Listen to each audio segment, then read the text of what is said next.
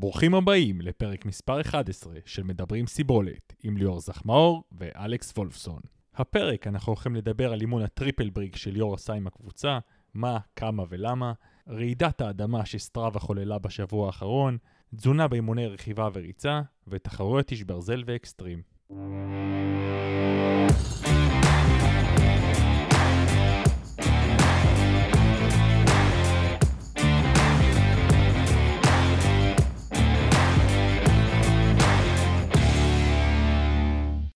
אהלן ליאור, מה נשמע? בסדר, אלכס, מה קורה? סוף סוף uh, חוזרים קצת לשגרה. Uh, גם עכשיו uh, היה לנו קצת בעיה בשרתים, בטח uh, המאזינים שמו לב, היה קשה לגשת לפודקאסטים uh, בכל הפלטפורמות.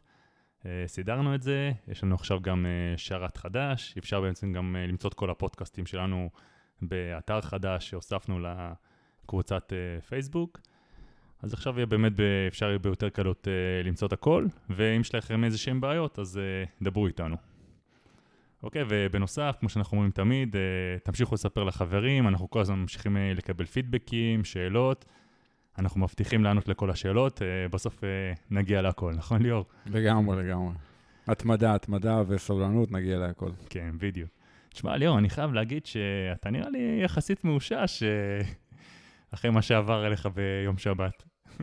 מה היה בשבת? לא זוכר. תשמע, שמעתי שעשית איזה אימון אה, מטורף, אה, קוראים לזה triple brick. אה, בואו אני אסביר מה זה, זה ריצה, רכיבה, ריצה, רכיבה, ריצה, רכיבה, בעצם אה, שלוש פעמים, כמו מין אה, דואטלון אה, משולש. אז אה, בוא, תספר לי קצת על הדבר הזה, למה, למה, למה לעשות דבר כזה, למה עכשיו? תראה, קודם כל, אה, אנחנו היינו עושים אימונים כאלה בעבר לא מעט, גם אה, brick אחד, double brick, triple brick, עוד פעם, זה לא משהו שהמצאנו ובטח לא לאחרונה. אה, אפשר לעשות בכל מיני שיטות, פורמטים, מרחקים, עצימויות וכדומה. ביום שבת האחרון עשינו אימון שבעצם כלל רכיבה ואז ריצה שלוש פעמים. כלומר, שלוש פעמים עשינו רכיבה-ריצה. המרחק באופניים היה... בלג הראשון 40, בלג השני 20, בלג האחרון 10, כלומר כל פעם המרחק ירד בחצי והעצימות עלתה. Mm-hmm. והמרחק בריצה היה כל פעם 4 קילומטר, כלומר ריצה קצרה של משהו בין 15 ל-25 דקות לרוב האנשים. ואיפה עשיתם את זה במסלול שטוח? או... עשינו את זה בקוממיות, שחלק מזה זה הקפת בית גוברין, לא, זה גבעות, חלק מישור וחלק יותר גבעות, לא משהו נוראי, אבל כן, יש קצת rolling hills. עכשיו עוד פעם, אפשר לעשות את האימון הזה בכל מיני מרחקים, פורמטים, עצימויות וכדומה, אפשר לעשות שני בריקים, שלושה, ארבעה, כמה שרוצים. באוסטרליה היינו עושים את זה גם לא מעט על ה trainer, אימונים קצרים, כשאתה עושה מקטע קצר על ה trainer, מקטע קצר בריצה, ככה לפעמים חמש-שש פעמים. אה, וואו. כן. אה, מי שראה לאחרונה, למשל, היה יוטיוב לא מזמן של החבר'ה הנורבגים, החבר'ה של ITU, כל הבלומנפלד וכל החבר'ה החזקים שלהם, הם עשו אימון כזה באיצטדיון. כן, אני יודע שהם אוהבים מאוד לעשות את הדברים האלה כן. באצטדיון. כן, כן נכון. אז הם עשו, הם רכבו בחוץ, רצו כמה הקפות באצטדיון, רכבו בחוץ, עשו כמה, כמה, כמה בריקים גם. אה, ואנחנו עשינו כזה ביום שבת האחרון. עשינו אימון יחסית לא ארוך, כי כרגע אף אחד לא מתאמן למשהו ארוך, לפחות לא בטווח הנראה לעין. אולי איש ברזל מתישהו בעוד שלושה חודשים, אבל זה לא בוודאות אה, חד משמעית. אבל רוב האנשים לא, עדיין לא יודעים מתי יעשו תחרות ארוכה. אז עשינו אימון יחסית קצר, יחסית אה, עבה. בעצם אה, אתה גם מתרגל אה, רכיבת נגש חזקה, גם מתרגל ריצה חזקה, שזה תמיד טוב, אם אתה עושה את האימון חזק. אתה מתרגל את המעבר, גם טכנית ההחלפה וגם את המעבר בין אופניים לריצה, שעוד פעם, במרחקים ארוכים המעבר הזה הוא אולי קצת פחות קריטי, אבל במרחקים קצרים הוא בטח קריטי. אתה מגוון, אתה עושה משהו קצת מגניב ושונה, ואתה יודע, מגוון טיפה לראש. אה, ספציפית, אה, אתה יודע, אנחנו עשינו את זה בעצימויות מדויקות ובעצימויות עולות. מה זהו, מה, מה העצימויות באמת? אנחנו רכבנו את המקטע הראשון על 0.8, המקטע השני על 0.85 ומקטע האחרון על 0.9. עייף, כן, בדיוק, לפי כן. ואטים, כן. אבל אה, בוא נגיד שאם מישהו רוצה להשתמש בתחושת מאמץ, אז לצורך העניין... 80 אחוז, 85 אחוז, 90 אה, אחוז. אה, עצימויות יחסית גבוהות, ועוד פעם, עצימות עולה. ואז אתה, אתה גם מתרגל רכיבה בעצימות גבוהה, איך אתה מתמודד עם זה. אתה גם בעצם מייצר איזושהי דינמיקה שהיא קצת מזכירה תחרות, כי בסוף היינו הרבה אנשים ועשינו את האימון ביחד מעל 50 איש, ואז נוצרת דינמיקה טיפה תחרותית. אבל זה עדיין היה אימון, זה, זו לא היה איזה סימולציה, נכון? כי יש פה נכון, קו מאוד אה, אימון. דק. וכל, וחלק מהעניין היה דווקא להתנהל טוב בתוך דינמיקה תחרותית. כלומר, להתנהל שכלתני בתוך דינמיקה רוויית אה, אמוציות ואגו, ואתה יודע, אה, כביכול, או אתה יודע, עם פוטנציאל להיות ישר בואו נשתולל ואני אעקוף את ההוא ואני אגיע לפני ההוא וכדומה. כלומר, מאוד קשה להיצמד למספרים כשיש סביבך אנשים, חלקם לפניך, חלקם אחריך, אתה יודע, אתה אולי לא רוצה שמישהו יעקוף אותך. ואני חושב שזה תרגול מאוד מאוד חשוב לתחרות ארוכה, כי בסוף בתחרות ארוכה זה חלק מהעניין, איך אתה... שומר על איזשהו קור רוח במה שאני קורא בלהט הקרב, ואני חושב שהרבה מאוד אנשים לא מצליחים לעשות את זה, ובגלל זה הם קצת דופקים לעצמם את התחרויות. כן, נשמע כמו אחלה תרגול להתנהלות בעצם. בדיוק, בדיוק, וזה בעצם חלק מה, מהרעיון, שאתה בעצם מתרגל גם את, ה, את העניין הזה. אתה כן מקבל אינדיקציות איך אתה מחזיק את הוואטים, אתה מקבל אינדיקציות איך אתה רץ אחרי רכיבה, אחרי רכיבה חזקה, בפעם השלישית, איך אתה מתמודד עם חום, רוח, אה, תזונה.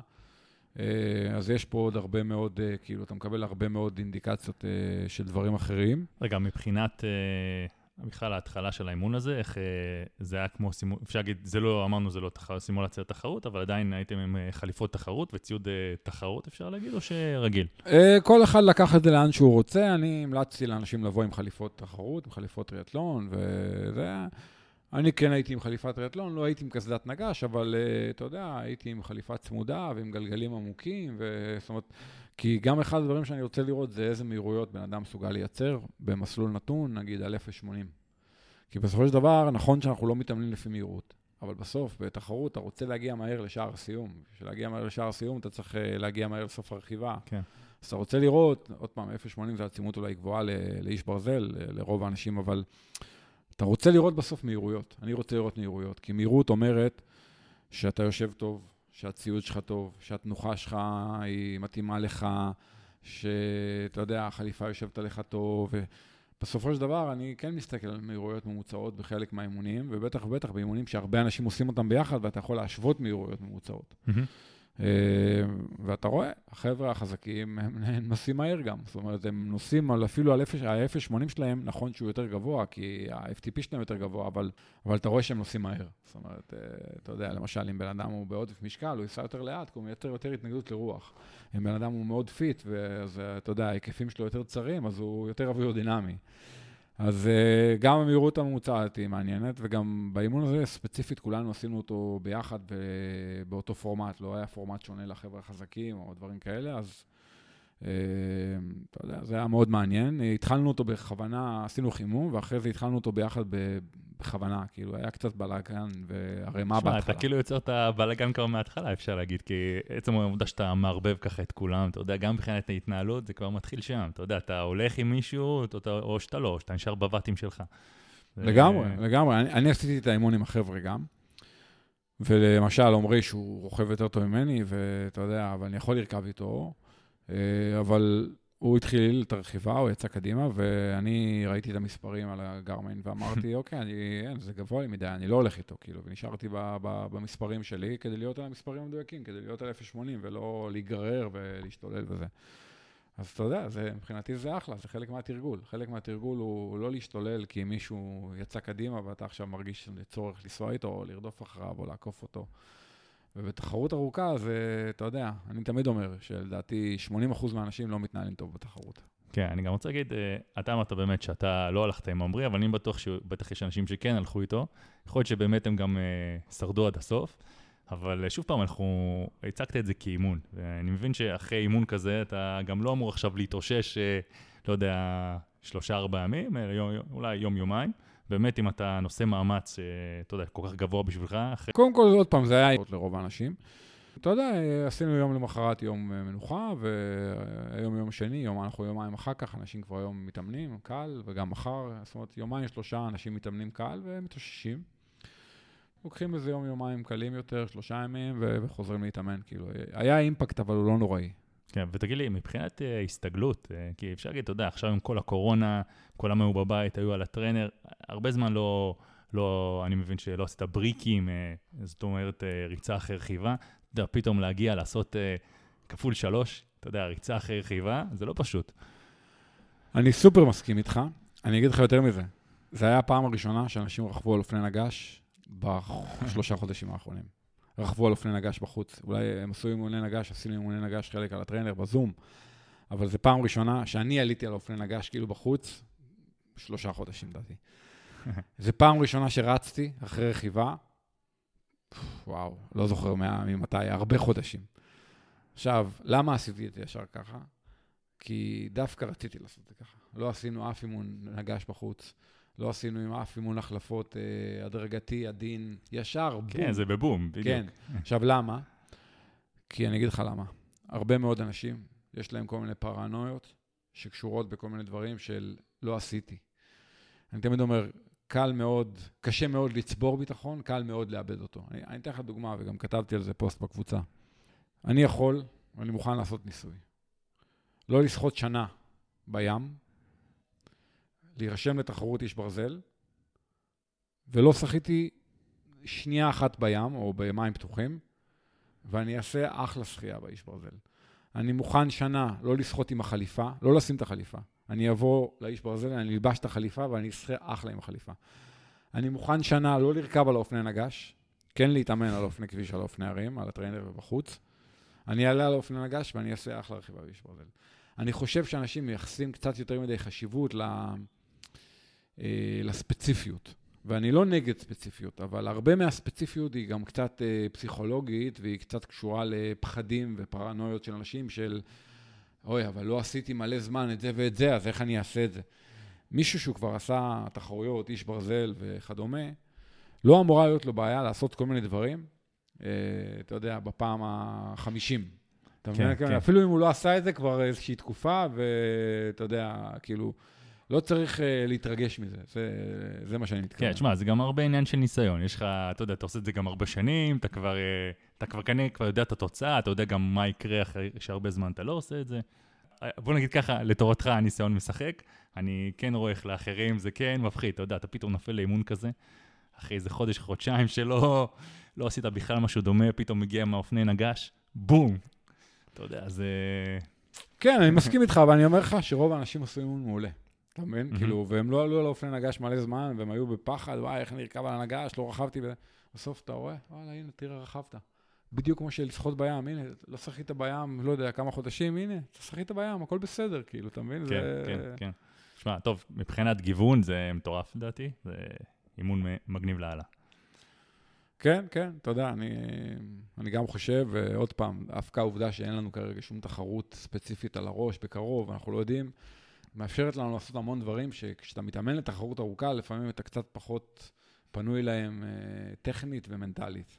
כן, ויש אולי עוד נקודה אחרונה שהייתי רוצה להתייחס, וזה גם, יש, יש שאלה גם דומה שקיבלנו, הרבה שואלים אותנו על אה, אווירודינמיות ודברים שקרובים לזה.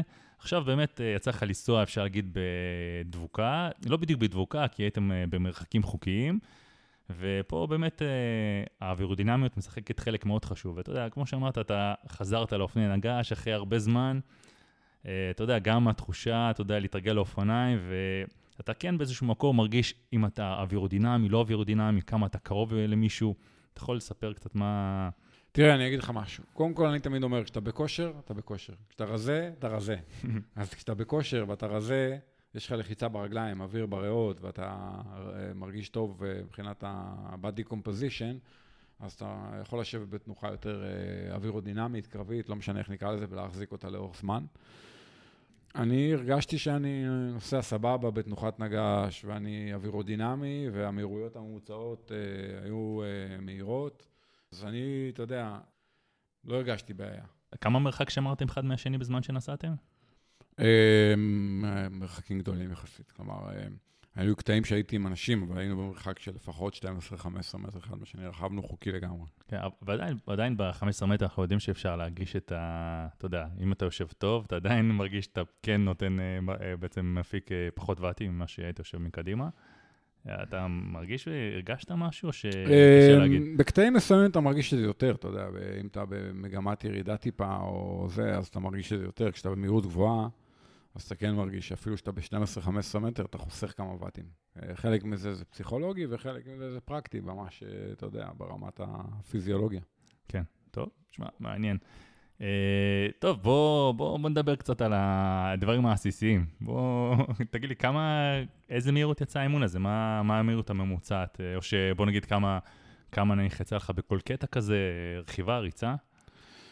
עוד פעם, זה קצת אה, משתנה, כי בקטעים ה... שרכבנו קטעים קצרים יותר, הגענו פחות לגבעות, אז זה גם חלק מהמהירות שהיא עולה, לא רק בגלל שהעלינו את העצימות, אלא גם בגלל שאתה רוכב במקטע יותר מישורי. אבל לי יצא על כל ה-70 קילומטר של העבודה, יצא לי 37-7 ממוצע, מבחינת מהירות אה, ממוצעת. ובריצה רצתי את המקטע הראשון על 4.17, המקטע השני 4.10, המקטע השלישי 3.59, עוד פעם, כמו שתכננתי, כאילו, ההגדרה הייתה לרוץ אה, אה, במקטע הראשון אה, 20 שניות יותר לאט מקצב חצי מרתון אה, נוכחי שלך, במקטע השני 10 שניות יותר לאט, ובמקטע האחרון לרוץ כאילו בקצב חצי מרתון, ואני מעריך שאני שווה בסביבות קצב 4 כרגע לחצי מרתון. כן, תשמע, יפה, העיקר שאתה כל הזמן אומר לי שאתה מזדקן, אבל אה, כן, אני מנסה לעצור את הנסיגה. זה כמו, בשיער התייאשתי, אבל ביכולת הפיזיולוגית עוד לא. כן, טוב, בקצב הזה יהיה לי קשה לעקוף אותך. אה, חכה, חכה עוד כמה שנים, אתה לא צריך לעשות הרבה, אני כבר אהיה כל כך גרוע, שלא משנה מה תעשה, אתה תעקוף אותי.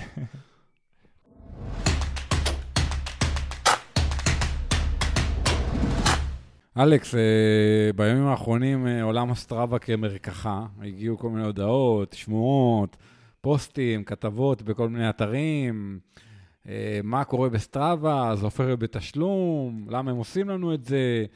אז קודם כל, תעשה רגע סדר, תסביר רגע את הנושא הזה, כי נראה לי שאני לא הבנתי, ונראה לי שעוד הרבה אנשים לא הבינו מה הופך להיות בתשלום, האם אתה כבר תאבד את המיקום שלך, האם אה, לא יראו שעשית קום, או הגעת בעשירייה, מה... תסביר רגע. כן, אז שמע, אז היה מלא שמועות. אה, השמועה המרכזית היא בעצם שזהו, שהם ביטלו את הסגמנטים, שהסגמנט זה בעצם הדבר הכי חשוב בסטראבה. אתה יודע, כל אחד יש לנו את המיקומים שלנו בסגמנטים, אה, שאנחנו תמיד רוכבים, אנחנו יודעים איפה חברים שלנו ממוקמים. תמיד כשהיית בודק את הסגמנט, בעצם היית רואה את עצמך, את החברים שלך, ובעצם את העשרת הראשונים. והיית משווה כל הזמן, אתה יודע, אתה משווה את עצמם אה, מולך, וקודם כל, צריך להגיד שכל ה... ברעידת אדמה הזאת, זה לא באמת כזה נורא. כולם חושבים שבעצם זהו, אה, סטראבה הפכו לתוכנה בתשלום ואי אפשר לעשות שום דבר אחר, זה לא נכון.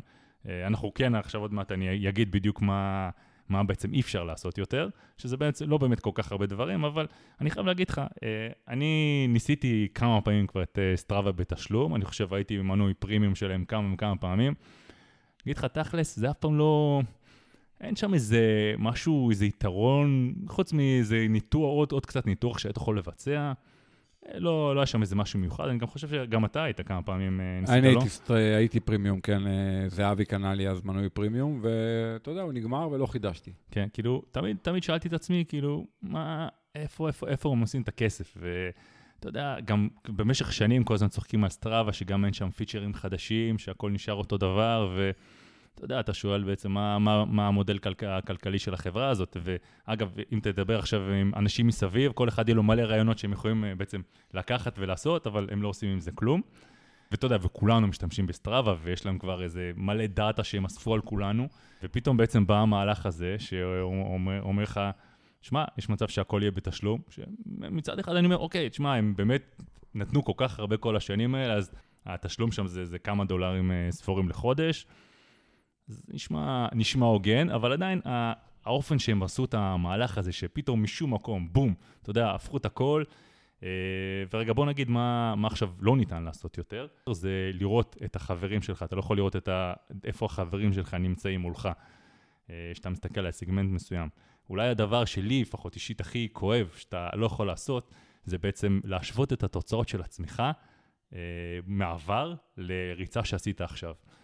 נניח, אה, זה מה שנניח מאוד אהבתי בסטראבה, וזה אחת הסיבות המרכזיות שאני משתמש בתוכנה הזאת, שאני יכול תמיד, נניח, אה, ביצעתי עכשיו ריצה של איזה שעה במסלול מסוים, אני תמיד יכול להסתכל, להסתכל קצת אחורה, שנים אחורה, לראות איך, איך עשיתי, איך ביצעתי את הריצה לפני.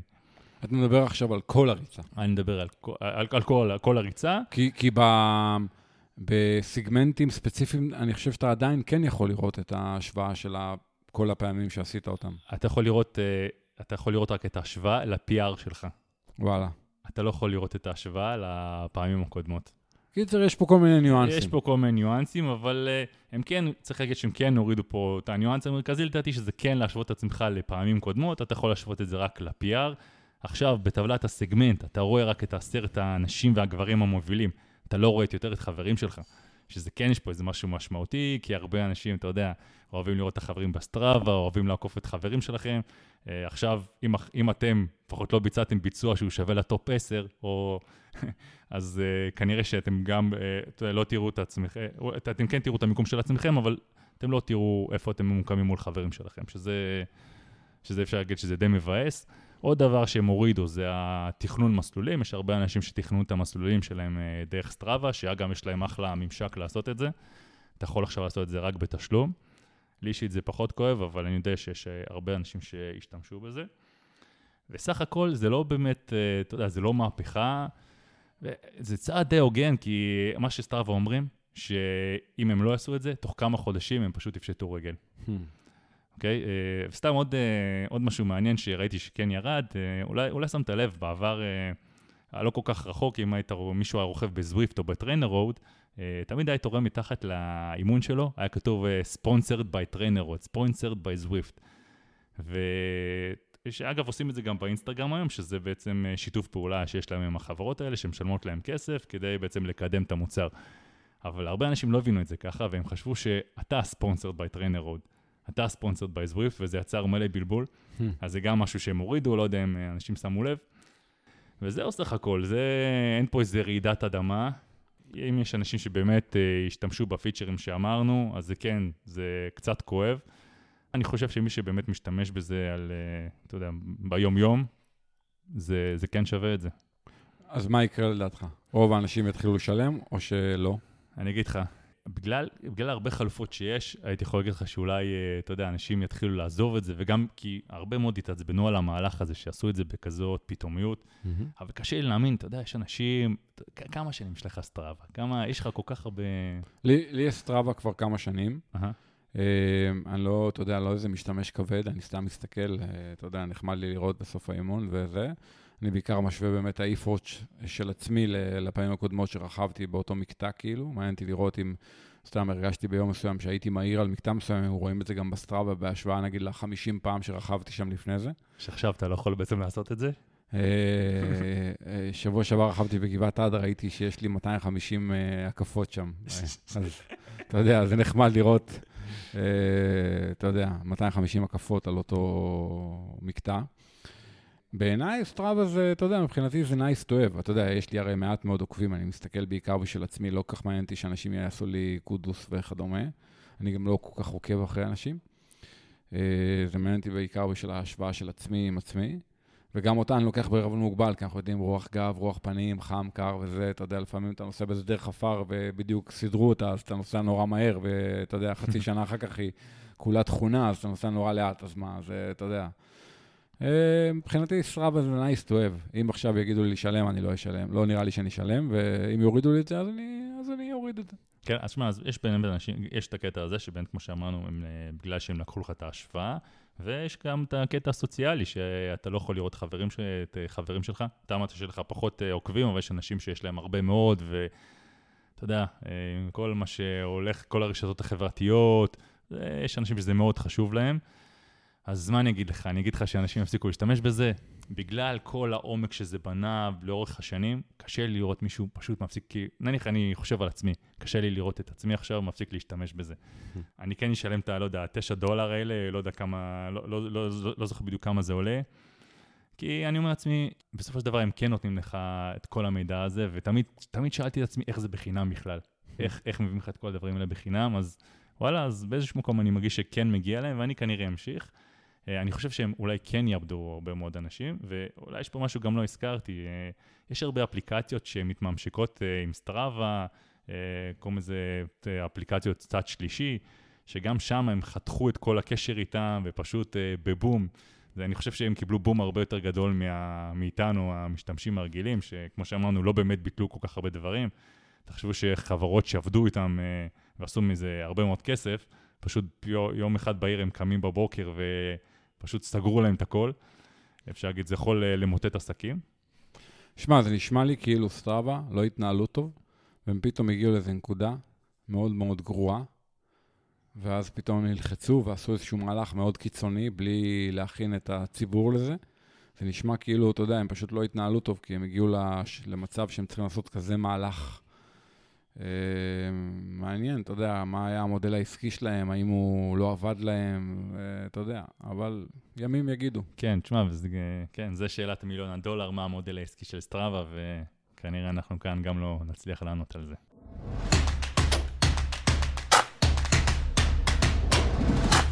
אז הנושא הבא שאני רוצה שנדבר עליו זה באמת זה נושא שאני חושב שגם כאן כל הזמן. מגיעים שאלות, ימשיכו להגיע שאלות, ועכשיו גם כשנדבר על זה, אנחנו כנראה הולכים לדבר על זה אה, עוד הרבה מאוד פעמים, ומדובר על אה, תזונה באימונים, אוקיי? אז אה, קודם כל, שמע, זה נושא כל כך רחב, אתה יודע, בגלל שאנחנו רוצים אולי להתמקד יותר באמת באיש ברזל, תחרויות ארוכות. רכיבה, ריצה, כן. מרתון, אולטרה מרתון, אה, אפיק אה, וכדומה, כן. כן. אז בואו בוא אולי נתחיל לדבר מה... קודם כל, ההבדל אה, בתזונה בין ריצה לרכיבה. אוקיי? איפה, איפה בעצם ההבדלים הגדולים? גם בואו נדבר על כמה תזונה אתה לוקח ל... איתך לכמה שעות שאתה נמצא בחוץ, לפי מספר שעות. תראה, קודם כל, אני חושב שה... קודם כל, אני לא תזונאי, וגם אתה לא, וצריך נכון. להגיד את זה בתחילת השיחה, כי... אה, צריך לזכור שכל מה שאנחנו אומרים הוא מבוסס על הידע שלנו, על הניסיון שלנו, וצריך להיות זהירים בקטע של המלצות לאנשים, בלי שיש לנו את הסמכות המקצועית, הפורמלית, המדעית וכדומה. אז uh, אני כבר אומר לקחת הכל בערבון מוגבל, לא שאני חושב שאנחנו, העצות שלנו יהיו גרועות, אני פשוט חושב שאין לנו את התעודות הרשמיות. קודם כל, הכלל הוא שאין כללים, בעיניי, בתזונה, מכמה סיבות. זה מאוד תלוי אה, אם זה רכיבה, ריצה, שחייה או כל אה, פעילות אחרת. מאוד תלוי אם זה קיץ, חורף. זה מאוד תלוי אם זה גבר או אישה. זה מאוד תלוי אם זה בן אדם שיש לו מערכת עיכול מאוד חזקה, נקרא לזה, לעומת אנשים עם מערכת עיכול יותר רגישה. אה, עצימות האימון, אורך האימון. כלומר, יש פה המון משתנים. רוב האנשים שואלים אותי על תזונה והם מצפים לי לקבל תשובות uh, שאתה יודע, באקסל.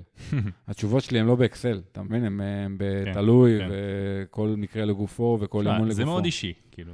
זה גם מאוד אישי וגם שאלה מה תמיד, מה המטרה, ו... ואנשים מתעצבנים עליי, כי אני לא נותן להם תשובות חד משמעיות, אתה מבין? אני מסביר להם את הקונספט, במקום לתת להם תשובה של x, y, z ומחשבון, וזה לא עובד ככה. אז אתה יודע, זה צריך לזכור. עכשיו, בעיקרון, אה, יש הרבה גישות בתזונה, באימונים. זה מאוד תלוי, עוד פעם, באורך האימון, בעצימות האימון וכדומה. בסופו של דבר, אתה רוצה להיות במצב שאתה מסוגל לבצע את האימון. שהתזונה היא כזאת שהאימון לא נפגע בגלל שלא היית מספיק ערוך תזונתית, אה, ופשוט נגמר לך הדלק, נקרא לזה, ובגלל זה לא הצלחת לעשות את האימון שתכננת לעשות, מבחינת העצימות, או שנאלצת לקצר את האימון. כלומר, התזונה היא אמורה להיות אמצעי שתומך באימון. זה קודם כל. היא לא המטרה. המטרה היא לא mm-hmm. לאכול איקס קלוריות או איקס ג'לים או חטיפים או זה. המטרה היא לעשות את האימון. עכשיו, אם זה נגיד, ניקח לצורך העניין משהו מאוד קיצוני, אימון קצר וקל, חצי שעה ריצה. כן. בשביל חצי שעה ריצה, לא צריך תזונה, כלום. אתה מבין מה אני מתכוון? גם אם בן אדם קם בבוקר, אחרי שהוא לא אכל כל הלילה, הוא אכל, לא יודע, ערב קודם בשבע בבוקר, למחרת הוא קם בחמש, הולך לרוץ, הוא לא צריך כלום. אתה מבין? זה לא שעכשיו, אם הוא לא ייקח משהו לפני או תוך כדי, אז הוא לא יצליח לבצע חצי שעה ריצה קלה. אתה מבין מה אני מתכוון? כן. זה איזושהי טעות בקונספציה של הרבה אנשים, שהם חושבים שהם חייבים לאכול משהו, נגיד, לפני הריצה, או תוך כדי הריצה, כי הם שמעו פעם מישהו אומר משהו על ג'לים או על חטיפים או על לאכול לפני ריצה וזה, רק לא מבינים שלא מדובר על ריצה של חצי שעה, אולי מדובר על נגיד ריצה של אה, שעתיים. כן, כן, כן, נכון. אז אני אומר, זה הדבר הראשון, צריך להבין, כאילו, עכשיו, בואו נלך עוד פעם אחורה. מה שאכלת יום קודם, למשל, מאוד משפיע. אם עכשיו, יום קודם נגיד, לא הספקת לאכול. נגיד שבאותו יום רצת מדבר לדבר ולא הכנסת כמעט קלוריות והכול. עכשיו אתה קם בבוקר, הולך לרוץ, ואתה מרגיש מרוקן, אתה מרגיש שאין לך אנרגיה. במיוחד אם אתה עושה נכון. נגיד אימון חזק והכול. זאת אומרת שיש פה אפקט שהוא נקרא לזה אפקט מצטבר או אפקט נגרר. מה שעשית בימים שלפני מאוד משפיע, גם מבחינת כמות האימונים וגם מבחינת כמות התזונה. אני רואה את זה למשל סתם במחנות אימונים, שאנחנו מתאמנים הרבה שעות. אה, כמה שאתה אוכל הרבה, לפעמים אתה עדיין מייצר איזשהו חוסר ואיזשהו דפיציט, ואז אתה קם בבוקר, עושה אימון, ואתה אומר, וואו, אני מחוסל, אין לי כוח, כאילו, אין לי כן. אנרגיה, אני חייב ג'לים וזה, כי אתה שוכח שלפני זה, בימים שלפני זה, התאמנת הרבה שעות, אז המאגרי גליקוגן למשל הם מרוקנים, אתה מבין? זה שאכלת זה בסדר, אבל עדיין אתה בחוסר. אז קודם כל צריך לזכור שמה שקרה בימים שלפני הוא מאוד משפיע. הדבר השני באמת זה אורך האימון. עוד פעם, ככל שהאימון הוא יותר ארוך, ככה התזונה הופכת להיות יותר פקטור. אה, והדבר הנוסף זה כמובן עצימות האימון. עכשיו, למה עצימות האימון? כשאתה מתאמן בעצימות נמוכה, נקרא לזה לצורך העניין זון אחד, או קל, רוכב קל, או רץ קל, או שוחה קל, אז אתה יכול להתבסס הרבה מאוד על מאגרי שומן. לכל אחד יש בגוף מספיק מאגרי שומן בשביל לרוץ שעה קל, או לרכוב שעתיים קל, או לשחות אה, שלושה קילומטר וכדומה. כל עוד העצימות היא מאוד קלה, יש הרבה חמצן, ואז הגוף אה, משתמש הרבה מאוד. נשען על מאגרי השומן שלו, ופחות על גליקוגן, אה, סוכרים וכדומה. ככל שהעצימות עולה, כמות הקלוריות שאתה שורף פר שעה עולה, ולא רק זה, מה שיותר גרוע אולי אפילו, זה שהיחס בין הסוכרים שאתה שורף לבין השומנים שאתה שורף משתנה לטובת סוכרים.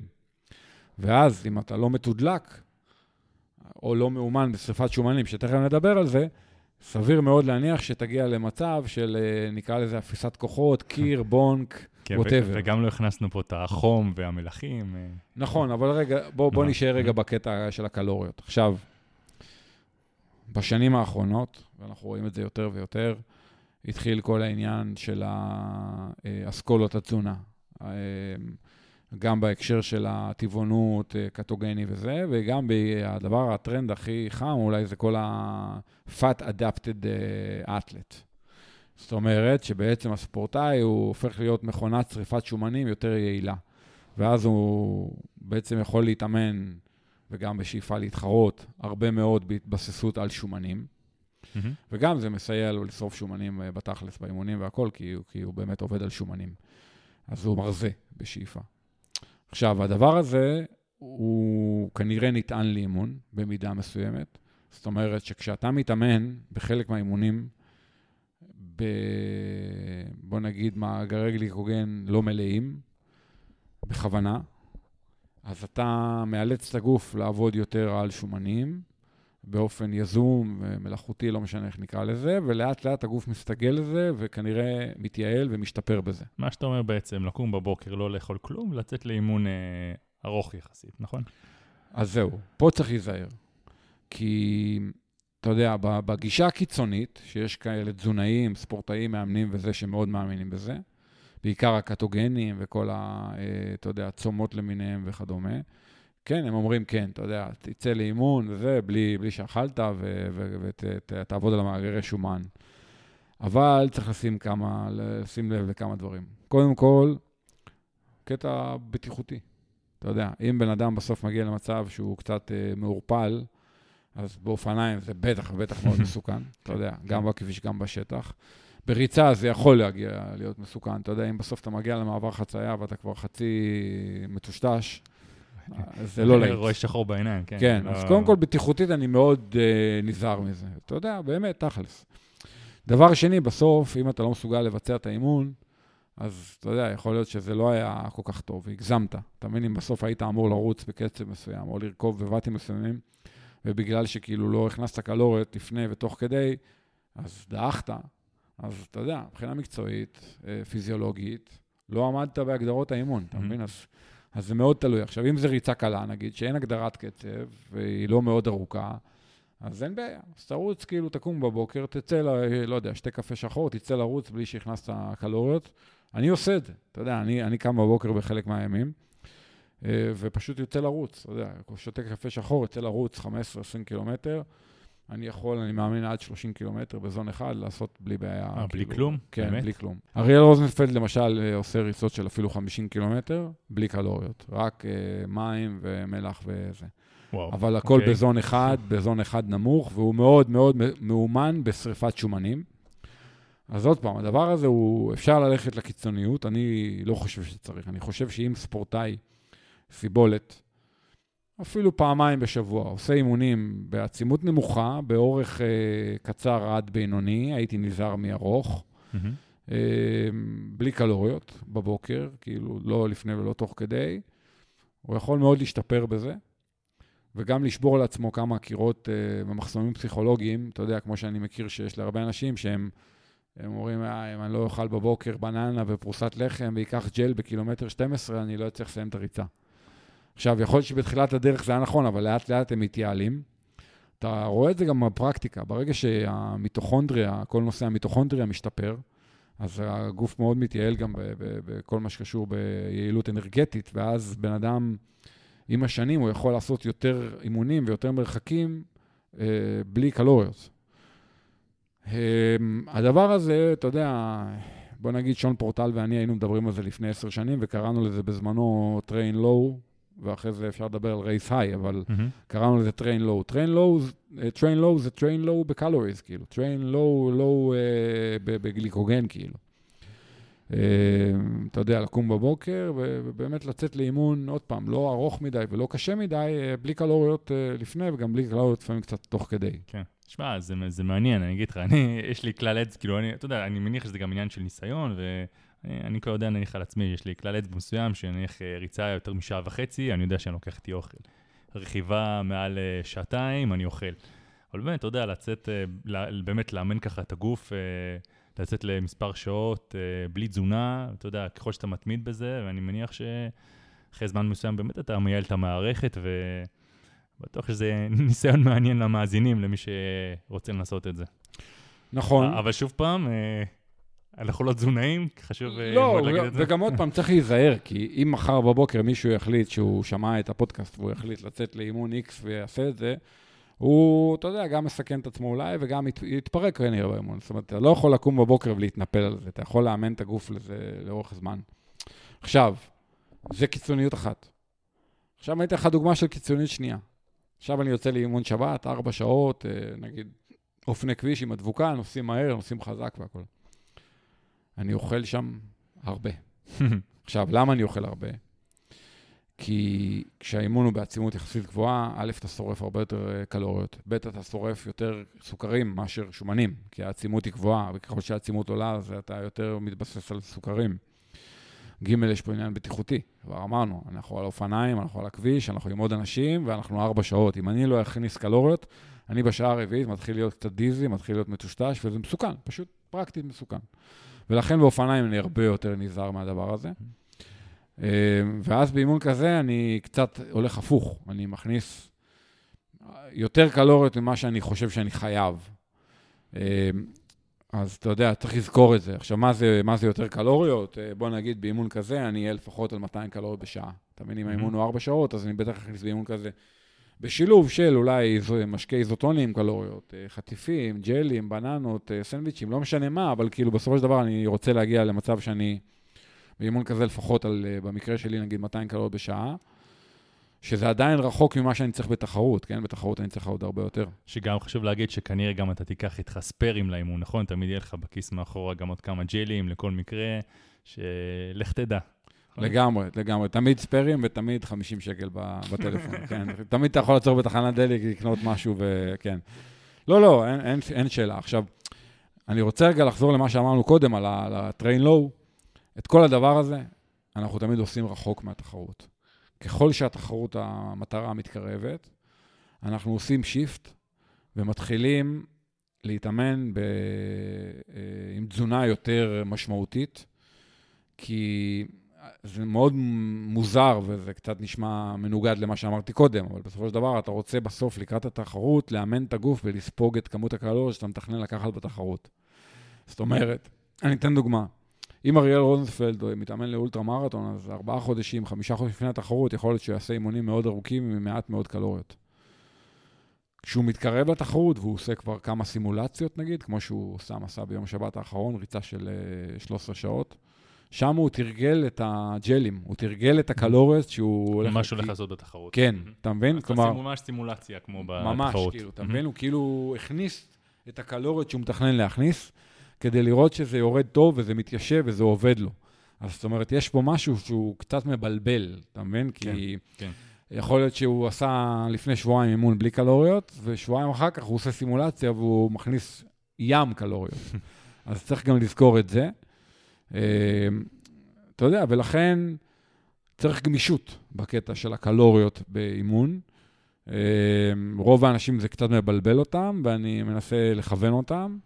ותמיד אני אומר לאנשים, אם אתה לא בטוח, עדיף שתהיה עם יותר קלוריות מאשר עם פחות, כי אתה יודע, כדי שתצליח לסיים את האימון. כן, אתה רוצה לסיים את האימון בסופו של דבר, ולא לא להתפרק באמצע, לא לחזור הביתה, לא... בדיוק, יודע, בדיוק. אז, אה, אבל מתישהו, אתה יודע, לאורך שנים, אני רוצה שבן אדם יהיה מסוגל לעשות אימונים מסוימים בלי קלוריות, כאילו לקום בבוקר ולצאת אליהם, וזה לא אמור להפריע לו ולפגוע לו באיכות האימון. הוא אמור להיות מסוגל לבצע את האימון טוב. זה אומר שהוא כבר יודע להתבסס uh, די טוב על, על מאגרי השומן, והוא פחות חייב את הסוכרים הזמינים כל הזמן בדם.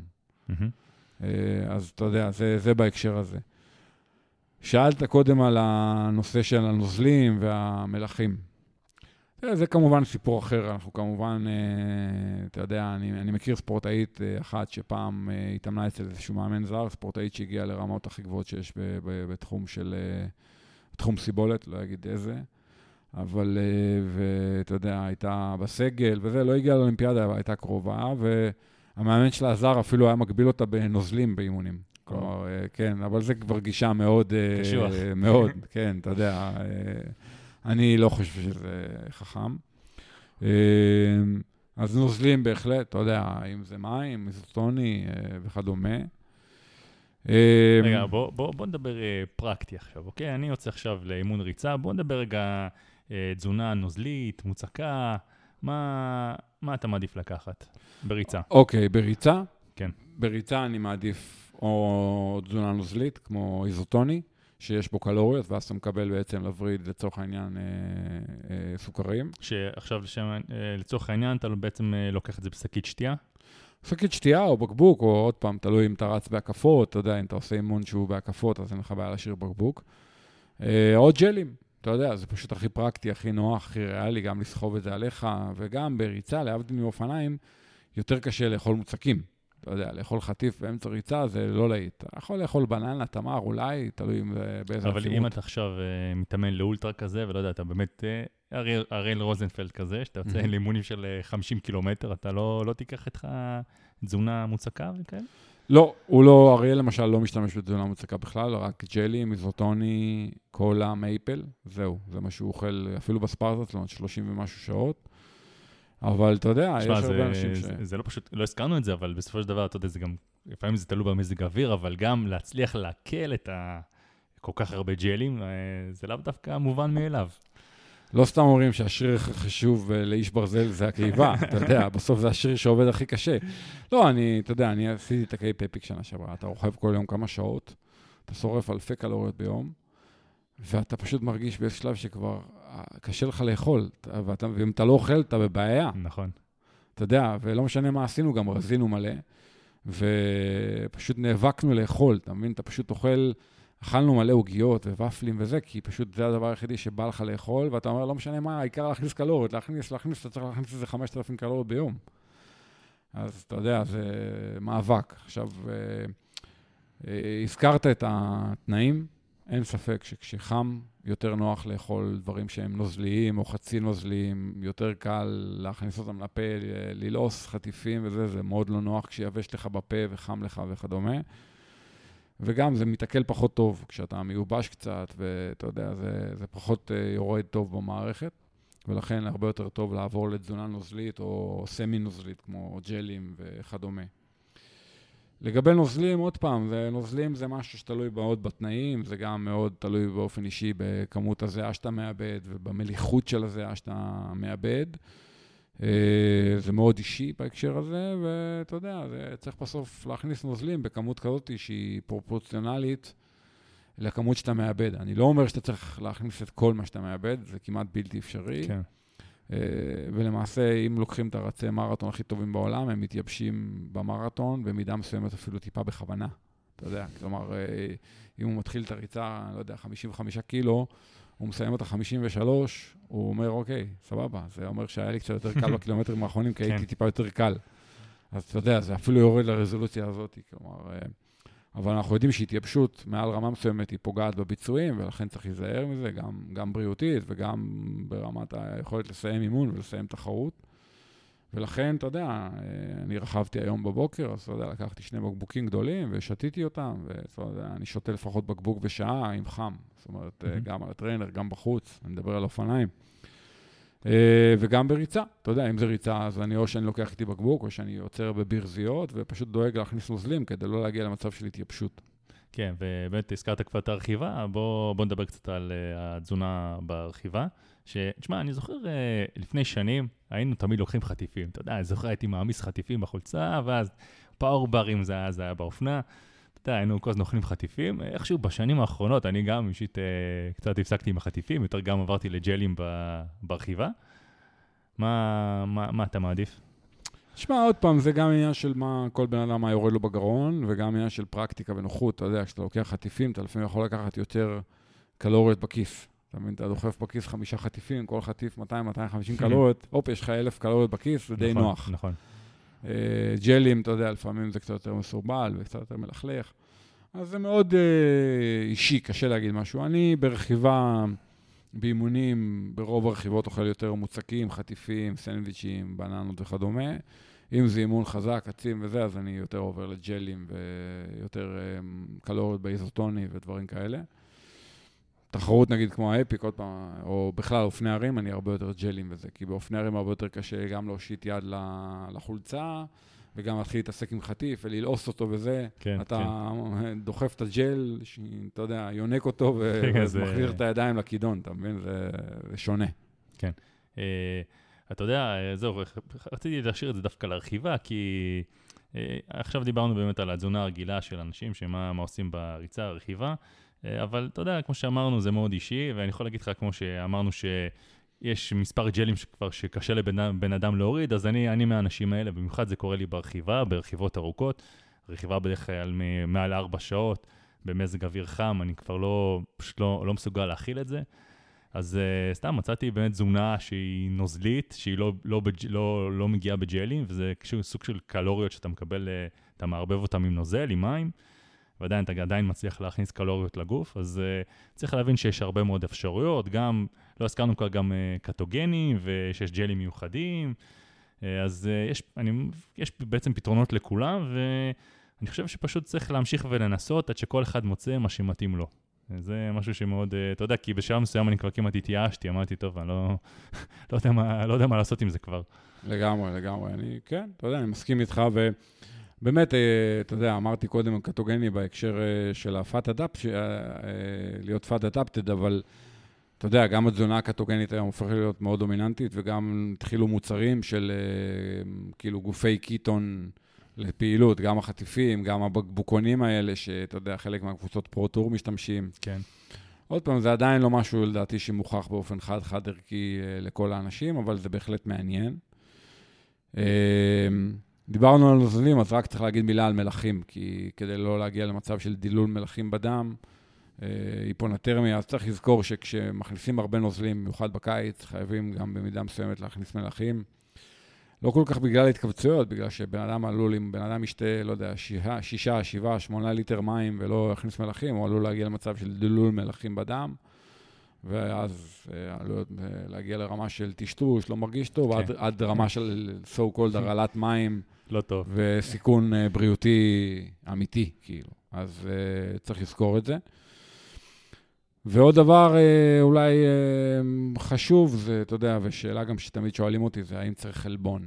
האם צריך oh, במהלך האימונים חלבון? טעיתי אם נזכיר את זה, כי בעבר אני זוכר שיש הרבה אנשים שגם צרכו את החלבון בזמן האימון. Uh, היום אני חושב שזה קצת uh, פחות, uh, קצת ירד האופנה הזאת, אבל uh, אתה תגיד לי. תראה, אני לא נגד חלבונים באימונים. אני אתן לך דוגמה. בחלק מהחטיפים המסחריים, בלי שמות, יש כמה גרם חלבון בחטיף. מהמם. עכשיו, אתה לא מרגיש את החלבון הזה, החטיף הוא אחלה והוא טעים והוא מתעכל מעולה, ויש בו גם 7, 8, 10 גרם חלבון. בעיניי זה אחלה, אני לא נגד.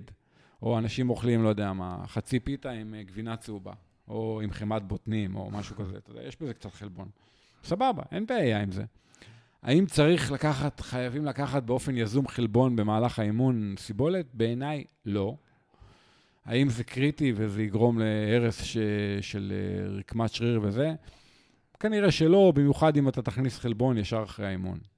אלא אם, עוד פעם, מדובר על מישהו שעושה כל יום אימונים מאוד ארוכים ואינטנסיביים וזה, ואז אולי, אתה יודע, נגיד, כן, תוסיף קצת חלבון וזה, אבל ל-90% מהאנשים, הם כנראה לא צריכים חלבון במהלך האימון, הם יכולים להתבסס על uh, תזונה שהיא ברובה סוכרים.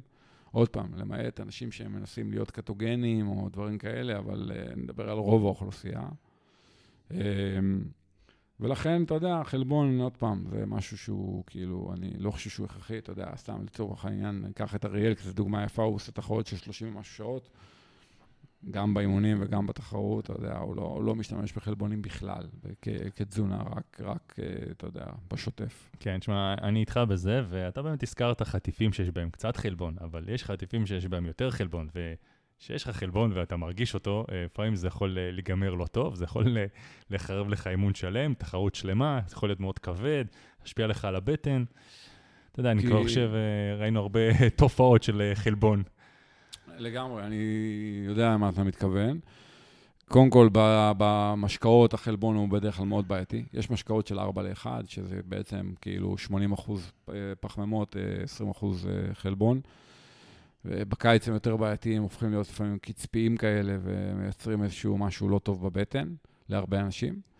וגם המשקאות, אם ניקח, אה, גם החטיפים, ניקח עכשיו חטיף חלבון אמיתי, הארדקור חלבון של, אה, לא יודע מה, 25-30 גרם חלבון בחטיף. וננסה לאכול אותו תוך כדי רכיבה, אם העצימות היא גבוהה ואתה בקיץ, יהיה קשה מאוד אין- לאכול אין אותו. מצב שאתה מוריד את זה, רק אה, עם הרבה מאמץ, ואני לא יודע איך זה נגמר בסוף. נכון, נכון. לכן, אה, עוד פעם, אם לסכם את הכל, אז צריך אה, גמישות תזונתית, גם לפני האימון, גם תוך כדי האימון, ובהתאם לאורך האימון, העצימות, האם זה רכיבה או ריצה, זאת אומרת, אין פה תשובה חד משמעית. זה בסוף הסיכום של הדיון. כן, אבל אני רק רוצה להוסיף שבאמת, אה, מי שלא מצליח עם זה, באמת לא להתייאש, ואני חושב שפשוט צריך להמשיך לנסות. יש כל כך הרבה פתרונות היום, תמשיכו לנסות. לגמרי.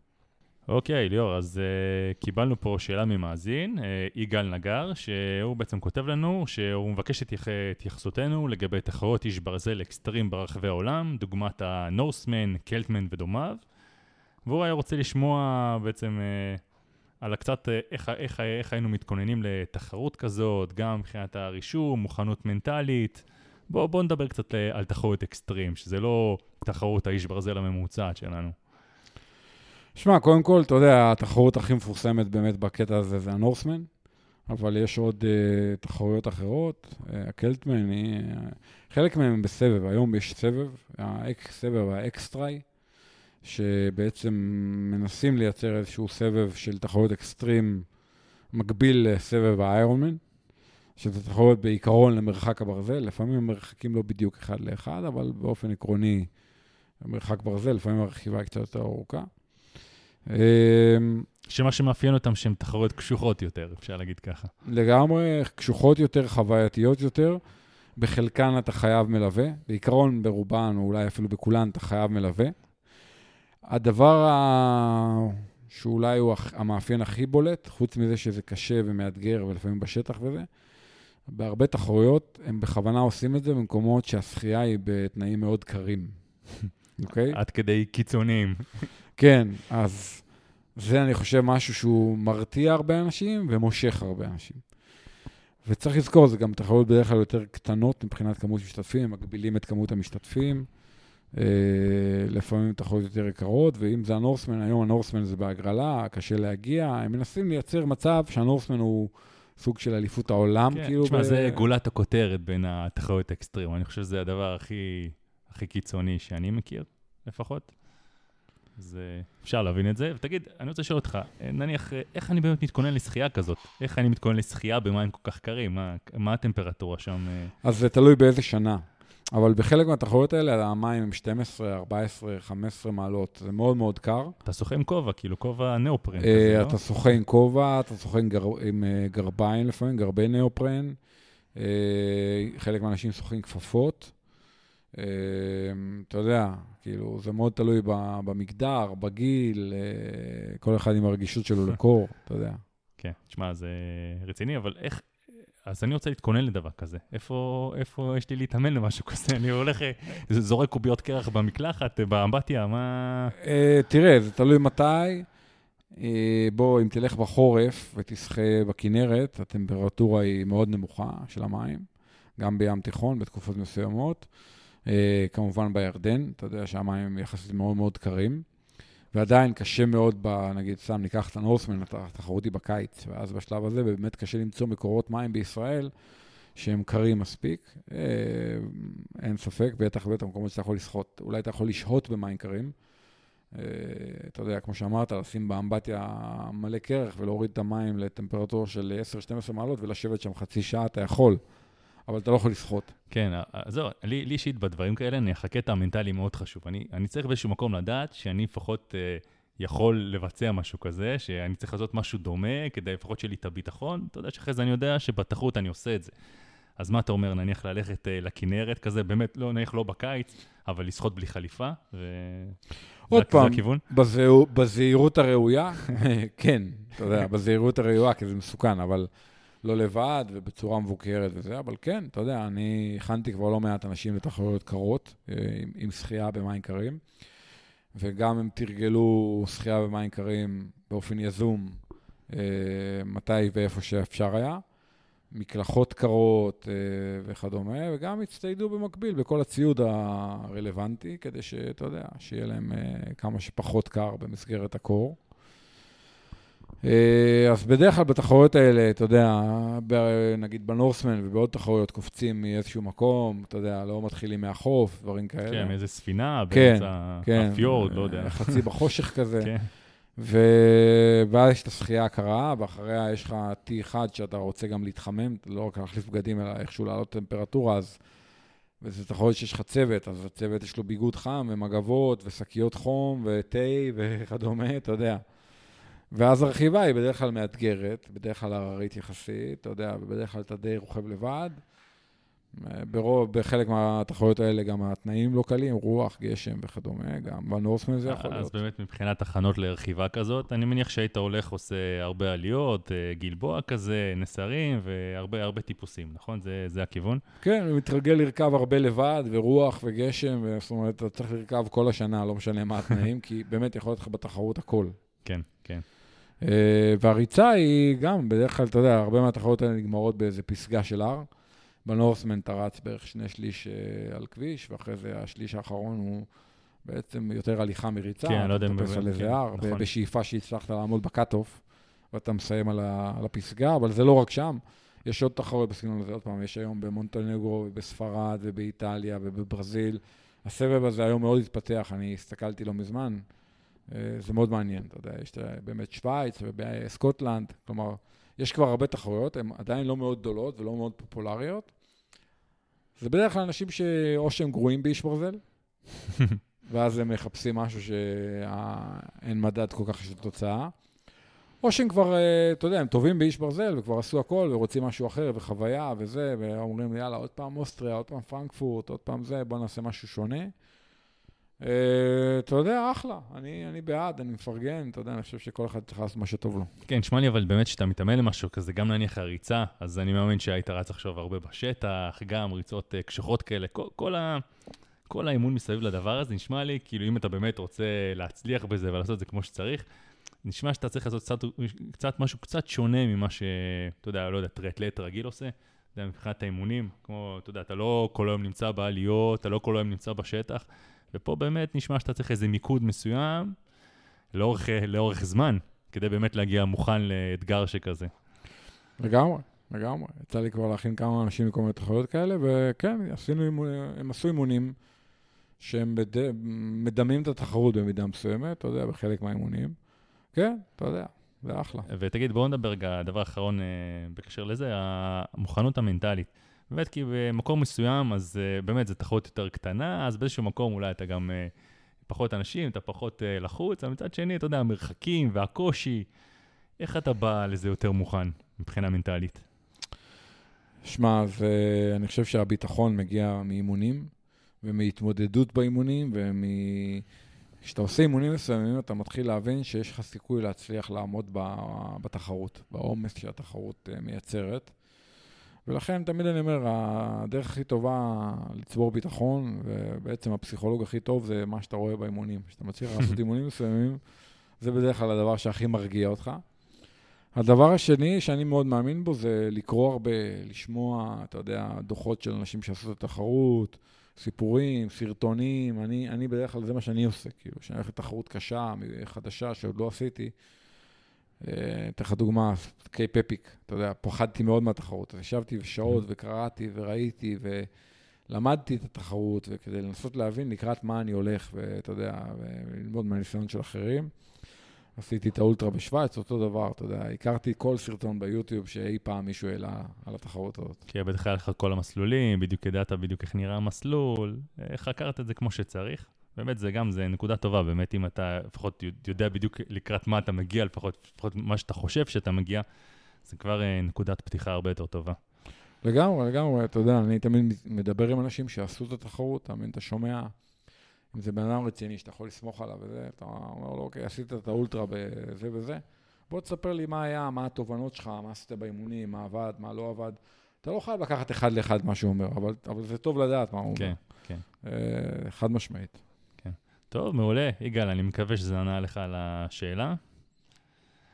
בהצלחה. בהצלחה.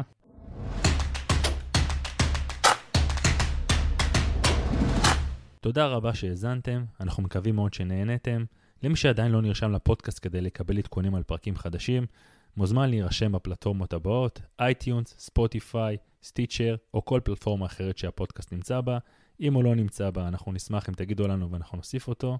אם אתם רוצים לשאול משהו על אחת השיחות שניהלנו כאן בפודקאסט, או שיש לכם שאלות נוספות, אתם מוזמנים להעלות אותן בקבוצת הפייסבוק שלנו. אנחנו מבטיחים לעבור על כל השאלות, אנחנו נבחר את השאלות שהכי מתאימות לכולם, ואנחנו נדבר עליהן כאן בפודקאסט. תודה רבה, ועד הפעם הבאה.